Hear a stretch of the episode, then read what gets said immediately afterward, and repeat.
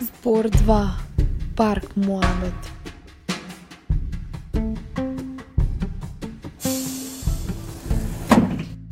Кој би бил толку луд за да чита поезија во четаскец? Со оваа реченица, седнати покрај камениот мост, со звуците на Вардар и на чаршијата во позадина, и се разбира со понекоја шега за улогата и за мујкта на Драчевскиот кромит, го започнуваме снимањето на втората епизода од подкастот Збор 2. Се припремаме да стиснеме рекорд, но пред тоа, неизбежниот аудио ефект кога станува збор за нашиот денешен соговор. Oh Kenny! Кени во Саут Парк умира во скоро секоја епизода. Пред да започнеме со снимањето, Кени, односно Горас Китановски, нашиот денешен гостин, ми објасни дека ваквиот концепт се поклопува со неговата идеологија дека луѓето секоја вечер умираат, а наутро повторно се раѓаат. Со други зборови, за него секој ден е нова шанса и нова можност за да сакаш, да крираш и да бидеш. За среќа, нашиот Кени е жив, плав и здрав. Ова не е единственото име кој Кени го носи.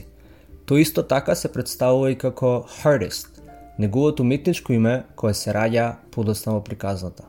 Ми вели, Не барајки, го најдов изразот. Хартист, кој е микс од две зборчиња. Харт и артист. А значењето ми е артист, кој креира единствено од срце. тој флиртува со азбуката, е влюбен во животот и во поезијата, која на креативен и несекундевен начин ја сервира на публиката преку уличен перформанс или во парк. Кени е поет, тој е креатор и е општо човек кој живее надвор од комфорт зоната. Ке чуете и самите. Меѓутоа најавата за разговорот со него би одела нешто вака. Ladies and gentlemen, we're floating in space. Ако ја имате слушано првата епизода од нашиот подкаст, веќе знаете дека овде улогите не се најважни. Па затоа, првото моје прашање е Како би се опишал себе си ако не се опишуваш во улогите кои ги живее секојдневно во животот? Кој си ти надвор од она што го правиш и што го работиш? најтешкото, кој сум јас. Ако би требало да се опишам себе си, претпоставам дека сум некој лик кој трага по креативноста и барам начини за како да искомуницирам сета таа енергија што доаѓа низ мене, се со цел да направам јас самиот да се чувствувам добро и колку можам поише луѓето околу мене да ги направам да се чувствуваат добро. Не знам кој сум, се уште дознавам, сварно. Се надам дека еден ден ќе имам точен одговор на прашање, ама мислам дека нема да дојде тој ден кога точно ќе откриам кој сум ја, пошто ако кажам јас сум тој тој, ги катнувам сите работи што други работи можам да да бидам. Многу е ограничено. Претпоставам дека ние луѓето цел живот трагаме да дознаеме кои сме суштински ние, како и Алан Ватс што вели trying to describe yourself is like trying to bite your own teeth. Замисли дека Марсовец те прашува тебе како земјанин што ти е најомиленото нешто на земјата или what's your favorite thing on earth. Ова може да биде чувство, може да биде некаква појава, нема никакви ограничувања во однос на одговор. Тешко би било да се одвои едно најомилено нешто, меѓутоа вака како ќе размислам, човек. Човек ми омиленото нешто, пошто од лично искуство може да кажам дека човек на човек е најголема дрога. Ништо не може да ти направи да се чувствуваш толку добро или толку лошо од човек. Може би ми фалат луѓе периодов пошто скратени ни се контактите со луѓето и сега дури сваќам колку ние колку луѓето се битни, колку е битно да имаш некој да да прегрнеш, да направиш, да имаш вистинска физичка интеракција со со луѓето. Мислам дека многу ги подценуваме човечките комуникации. Ај замисли да ги имаш сите пари на светот, све што и да имаш, ама да нема со кој да ги споделиш, ако си сам. Така да, јас стварно, ако треба едно нешто да одберам, пример тоа прашањето што ако идеш на пуст остров, што би земал три работи? Па ја една работа ми е доволно. Само да имам еден човек и после ќе ги, ќе ги имам сите други работи што ми се потребни за преживам на тој пуст остров. Човек. Човек на човек е најголема дрога. Што ти ја буди душата? Кога правиш или пак ти се случува нешто и си викаш ова сум јас и си се осеќаш најубаво на цел свет. За сите работи што ги правам во животот, за ништо тоа не сум формално учел, да речеме. Пример, ја не сум читал аз сум почнал да да пишувам, што е многу контрадикторно. Ја почнав да читам активно последниве две години. Кога пишувам, онака буквално кога ќе напишам нешто, значи ми е многу, многу, многу јако и кога ретардирам цела вечер, после си го рецитирам нештото. Кој ле, леко, сварно ли ова јас го напишав? Што дојде низ мене за јас да го напишам нештото? Дури за многу од работите не ми ни текнува кога сум ги напишал. Така да би кажал дека пишувањето не мора тоа да е поезија, тоа може да е збор, може да е идеја за некоја иницијатива, може да е бизнис концепт, може да е само како сум го поминал денот, пишувањето, пошто ти кога размислуваш е едно нешто, е една димензија, меѓутоа ако го напишеш нештото доле на хартија, нештото почнува да живее, така да ја би рекол дека пишувањето ми прави да се чувствувам хај. Ми, ми дава некако вистински хај, да речеме. Кога последен пат си се чувствувал живо? Во овој момент сега пошто толку ми е пријатно да, да давам одговори на овие прашања и одговориве ме, ме тера да се подсетам уствари дека колку е убав животот. Интермецо. Би сакал да се заблагодарам на поддршката на сите вас кои го следите овој подкаст.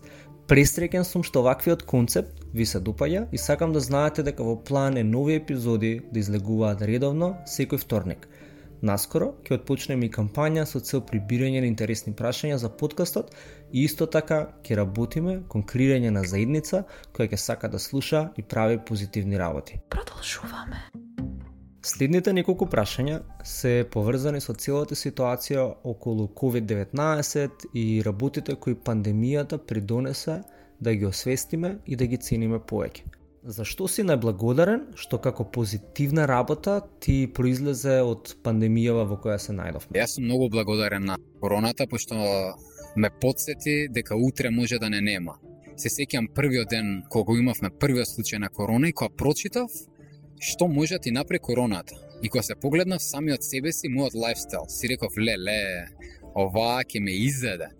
И јас сум благодарен на короната буквално што го сменив мојот начин на живот. Почнав да вежбам, почнав да бидам благодарен за животот како пошто на почетокот ако ти текнуваше многу интензивно, бројките се зголемуваат, луѓе умираат и кога сикам Господе фала ти на животот што го имам, ајде сега да направиме што е можно повеќе од него. Ја буквално почнам да живеам како прав стоик, односно секој ден да го живеам како последен. Може би да не беше короната, многу од моите проекти како Бетер книга немаше да извадам, немаше да излезам во автобус да рецитирам. Сите тие некаде како во мојата подсвест да е вречено дека утре може да ме нема така да почнам да правам многу работи кои се надвор од мојата комфорт зона, кои немаше да ги направам ако не постоеше целава пандемија. Фала ти пандемија, што не подсети на на вистинските вредности. Ко брат ја вода не пие, бе. Вода не пие. Почнам вода да пијам. Почнам склеку. Сега онака се стегам, викам леле мускулчиња. Ја никогаш немаше да почнам да вежбам ако не беше коронава. Туку она ме како шамар да ми мам на ден, кој еј, среди се малце, бе, ако ти доам, гледај каков си слабак, ќе те уништам и почнам да ги ценам поише и моите блиски, моите пријатели, да се радувам. Еве сега вака што седиме, јас се радувам што имаме можност да седиме во фала ти корона за све што не научи, што тек допрва ќе научиш. Следното прашање се поврзува со она што го правиш по големиот дел од твојот живот.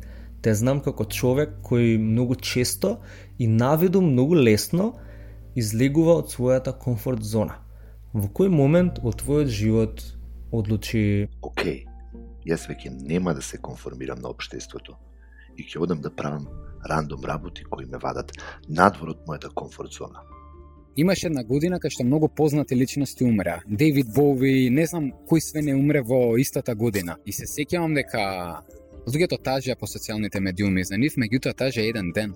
Без разлика колку и да биле они големи, они беа заборавени после тоа. Не се потполно заборавени, се разбира. Тоа некако ме асоцираше дека колку и да сме познати или славни, нашиот живот не е до толку важен од кога ќе умреме, туку важно е што ќе направиме дори сме живи. Така да јас си реков, кој што сака нека збори за мене, нека рече Кени е ваков, поезијата не му ја бива вака, така, ичне ми е гале, ја ќе го правам нештото, пошто јас се чувствувам должен да го направам тоа, брат. Ја имам енергија, се буквално се чувствувам должен да споделам со луѓето дека животот е убав, да речеме. Ајде да размислиме, што е најлошото нешто што може да се случи? Реално, еве ти си почнал со подкастот. Што е најлошото нешто што може да се случи? Најлошото нешто што може да се случи е да не го направиш а не, не можеш да погрешиш нешто. Еве, пример, ти веќе имаш импакт на една личност, на мене. Во моментов не знаеш колку ми умова, брат, што се ти давам одговор на, на прашање. Друга важна работа, што сега ја учам периодов, како што добивам позитивни коментари, така добивам многу негативни коментари. Не многу, во изобилие се позитивните, меѓутоа 10-15% има, абе, види се, каков си, што мислиш. И сега се учам да, кога некој ќе ми пише нешто убаво, да не се презам сами од себе, да не ми се реза егото, туку да си бидам сталожен, мирен како Вардаров се што тече, а истовремено кога некој ќе ми искака нешто, да не дозволам да мојата самодобрба, кога го гледам и кам, а добро, он мисли така. Јас пак си викам зашто он мисли така, меѓутоа не дозволувам заради некој рандом лик на Инстаграм што ми пишал, ја да престанам да го правам тоа. Имам истражувано исклучителни личности од историјата. Едно нешто има заедничка, тоа е дека они ги затнали ушите и ги правеле. Чарлс Дарвин го гледале како мрднат кога идел и кога ги гледал сите растенија и животни. Пошто тоа време брат да истражуваш, фала Богу ги рече ти мрднаци бе. Чарлс Дарвин денеска знаеме каков импакт имал на општеството и сите други други личности, така да затнување ушите, да ги затнеш ушите не значи да не ги слушаш коментарите. Може и некојаш некој добро ти мисли, иако е негативно нештото, ќе ти помогне да ти во иднина да бидеш подобар, меѓутоа да не дозволиш ништо, буквално твојата визија, тоа што си го замислил да го правиш, прави си го, пошто пак се враќаме на тоа што е најлошото нешто што може да се случи. Неодамна, едно видео каде што рецитираш поезија во автобус стана вирално. Подкастот според мене е уникатен медиум каде што можеш директно од својата лична перспектива да го представиш и процесот и чувствата кои си ги имал за време на доживувањето, односно на случувањето. Па така, би сакал да ми раскажеш малку повеќе за мислите кои ги имаше пред овој настап. Неколку месеци мислев да влезам во автобусот, значи перформансот во автобусот во мојата глава се случи премногу пат. Ја брат обожавам Како? Кој автобус е, кажи? Четрскет, четрскет. Драчо репрезент, make Драчо great again. И са пази што се деша. Јас станувам, сабота е, денот е прекрасен. И викам, ја денеска ќе рецитирам во автобус. Во мојата глава перформансот си имаше случајно. Јас се преправав, кога влегов во автобусот, како ги гледам луѓе кога да дошле на мој настап, кога да чекаат, јас да станам. И поминува станица 2, се разбира, имав таква трема, она сладка трема кога пред као пред перформанс, не е тоа страв, туку е сладка тремичка. Јас си станав, си изрецитирав, за мене тоа беше брат многу нормално, пошто во мојата глава нештото си имаше случајно и така све игра на умот некако бе брат. Јас стварно си имам направено некои брейн хакови кај што ги проектирам, пошто што е меморијата? Еве да речеме, ја ќе се замислам дека ќе одам во Португалија. Рецимо.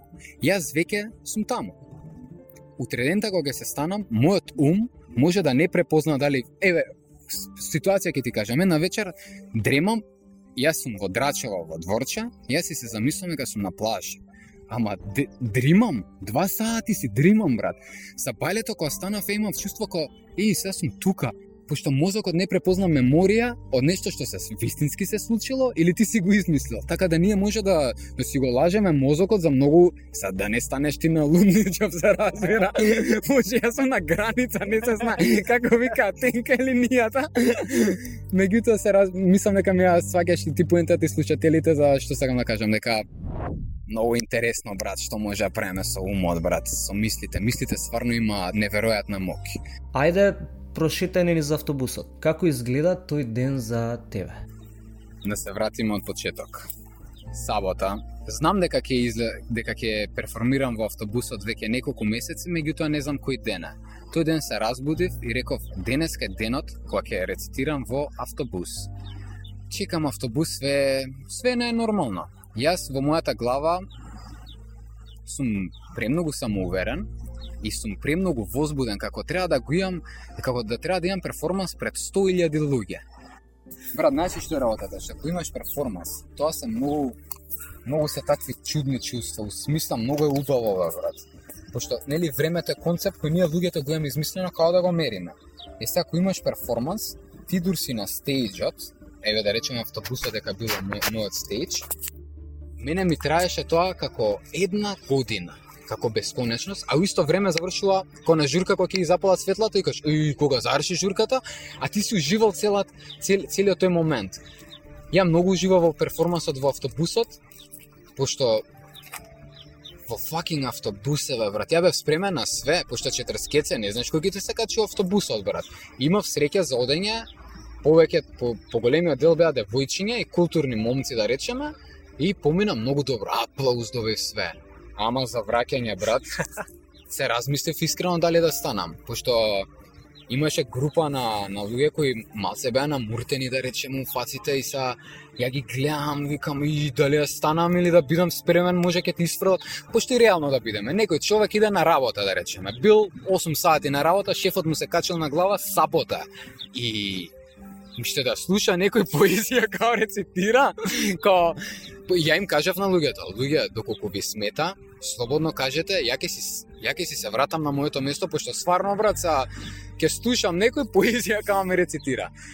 Меѓутоа, тоа ми е еден од најдобрите перформанси во во животот, брат. Пошто беше присутна тремата, ама таква тремичка сладка што те боцка кај што двај чекаш да станеш да го направиш нешто, ама пак си викаш, имаше момент викам, ај на следната станица.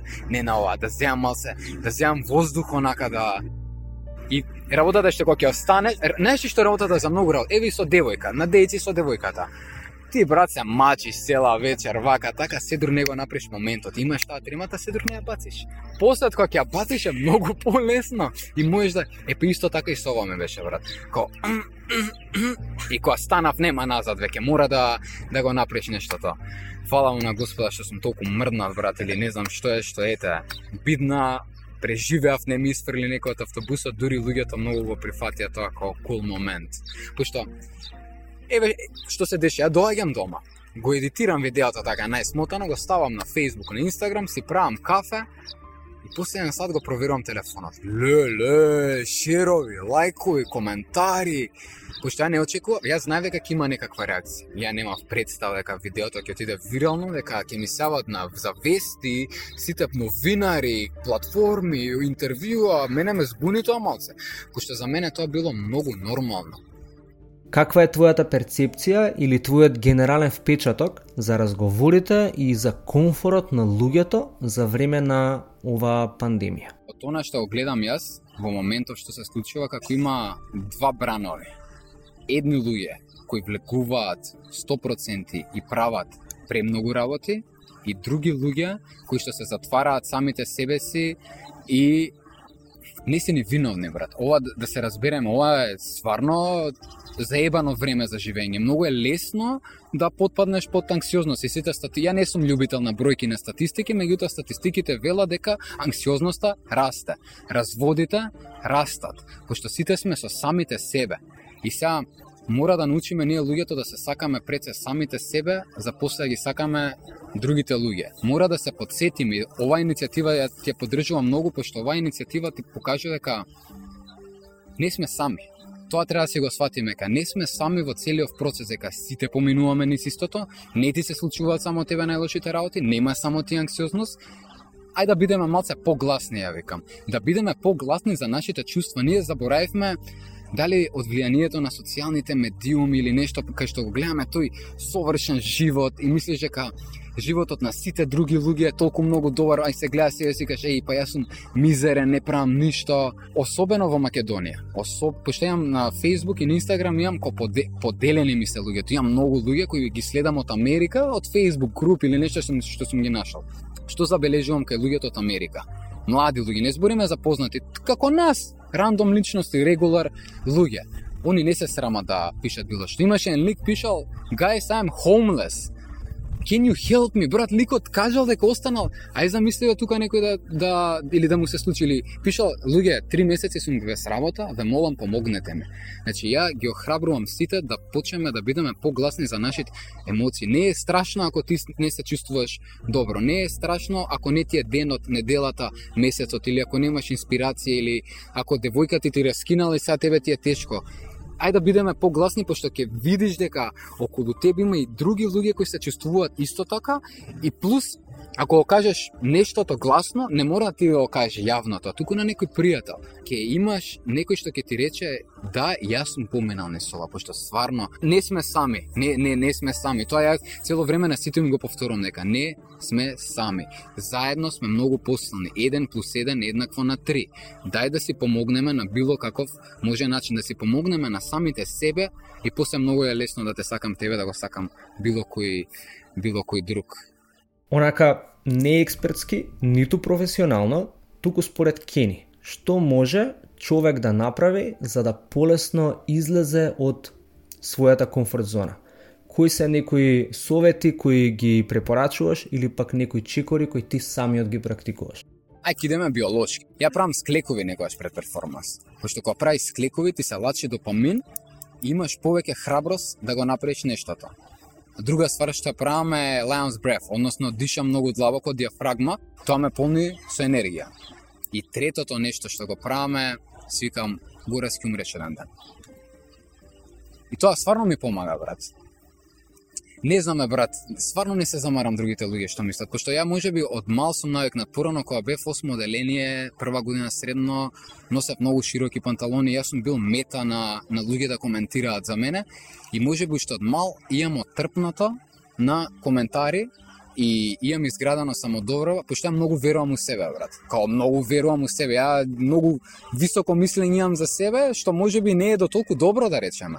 Не знам контрадикторна. Имам високо мислење за себе, а од друга страна викам па јас сум многу небитен, јас сум само една точка која постои во една секунда од целово целово постоење.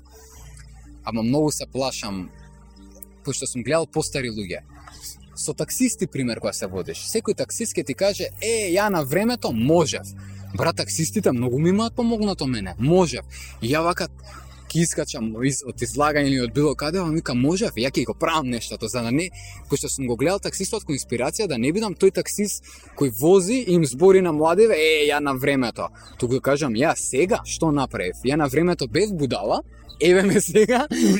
да, така да благодарно за сите таксисти кои ги споделиле нивните нивните стори, имаат навистина интересни таксисти. Ова не беше никако маловажување. Пошто не мислев некако лошо за таксистите, туку Знаеш, такси мовети. Како дел од искуството е и можноста и мене сите говорници да ми постават прашање. Кое би било твоето? Алекс, да имаше само 24 часа и unlimited amount, значи на рес, рес, ресурси. Значи све што постои во колкава количина сакаш ти. Значи сите луѓе збориме за human resources. Значи све што сака, сите луѓе на планетата ти се достапни, сите природни ресурси ти се достапни, а имаш 24 часа. Можеш да, да одбереш ти на која локација ќе видиш што како ги би ги потрошил твоите последни 24 часа од од животот. За време на корона, поисав многу музика да слушам и да, да истражувам такви ствари и нешто што го сватев е дека музика е едно од најобавите форми да го доживееш денот. Е, а, журката е продолжение на музиката, ама музиката како како медиум те тера стварно да чувствуваш во тој момент. И А би сакал тој ден да ми биде полн со чувства. И сега нели тука го има стандардниот ден со луѓе да се видиш пријатели со тоа, ама скроз би сакал тој ден да поминам некои 14-15 сати на рейв, брат. И не би ми требале пари, Да. скроз на рейв и ако ги имам сите ресурси на планета, би сакал со Space Oddity, свирејќи во позадина, последниот див што ќе го земам, да биде во празна вселена. Да ја слушам музиката на на слушалки Цела вселена и- по мене е вселена. Да. Да, и во тој момент да престанам да сам во таа форма да постојам. И можда малку и поблиску ќе видам со со све па побрзо ќе ме прими тоа црната материја што и да што постои. Така да, да, такво нешто, али скроз би се изжуркал, би Да, би да, влегал, да. е ти ми влегал. И па танцот, ја имам животна филозофија која ја поврзам со танцот. Ти кога танцуваш, немаш дестинација. Односно, самото движење на телото ти е дестинацијата. И како што рековме, времето е релативна работа, така да тие 20-14 сати што ја кажа на рейв може да ти траат Да. цела вечност. Ама на кратките изгледа како 5 минути. Ние е интересен проект на кој Кени работи во моментов. Еве како тој го објаснува концептот кој мислам дека повеќето од вас би ги интересирал. Пред три години кога бев во Португалија, или четири, решив дека ќе извадам книга. Првиот наслов на Better Times уствари требаше да биде Flip Me, пошто ми, ако го свртиш наопачки, е we. Ние. И години подоцна, еве сега, благодарение на пандемијата, како што зборевме предходно, не си сам, не си сам, не си сам, дојав до концепт кој е насловен Ние пишувам книга заедно со сите луѓе од градот, без разлика на возраст, религија, социјална припадност, сексуална ориентираност, без разлика, значи сите, од најмало до до најстаро. Целта ми е да охрабрам луѓе да напишат нешто на на хартија, пошто ја верувам дека сите имаме длабоко скриени некои чувства кои што зборевме претходно, ако ги ставиш на хартија, постојат некако повеќе повеќе постојат. И сакам да докажам дека без разлика колку и да сме различни ние луѓето, од кога ќе прочиташ книгата, ќе се види дека ние сакаме исти исти работи. До сега поемите што ги имам собрано, тоа ми го кажуваат, ќе го видиме крајниот продукт. Се уште сум во процес на пишување на книгата и снимање на документарниот филм. На кој начин може некој да се вклучи во проектот или како би можеле да ти сконтактираат во однос на самиот концепт? Слободно нека ме најдат на Инстаграм, на Фейсбук, нека ми пишат. Работата што некои луѓе ми пиша и имам песни, може ли да ти ги пратам? Не, не може да се пратат песните, пошто мом работата е песните се напишат во моментот, на веќе зададена тема.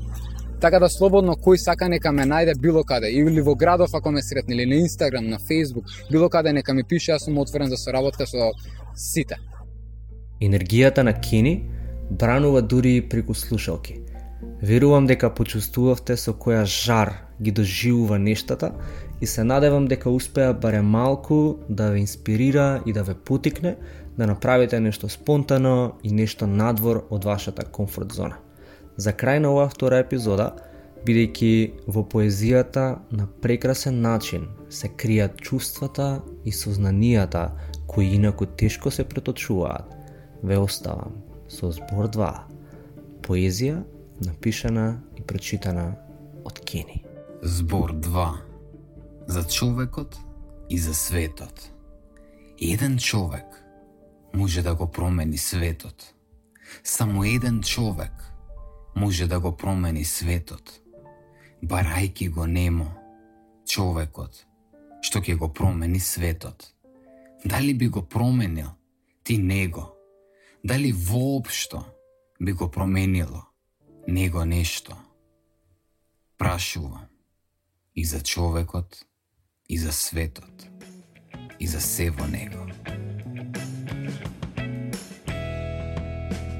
Многу сум среќен што го изслуша целиот подкаст. Ако сакаш да помогнеш во создавањето на приказната наречена Збор 2, тогаш те молам сподели го овој подкаст со твоите пријатели и кажи им за типчето кој зборува со рандом луѓе во парк. Можеби некој од нив ќе биде отворен за да си направиме убав муабет и да се посмееме. Во следните епизоди, како и низ Скупските улици, семафори и култни места, ќе дознаеш и за други начини на кои ќе може да се вклучиш во проектот. До тогаш, запрашај се, dali, ko postaviš vestinsko vprašanje.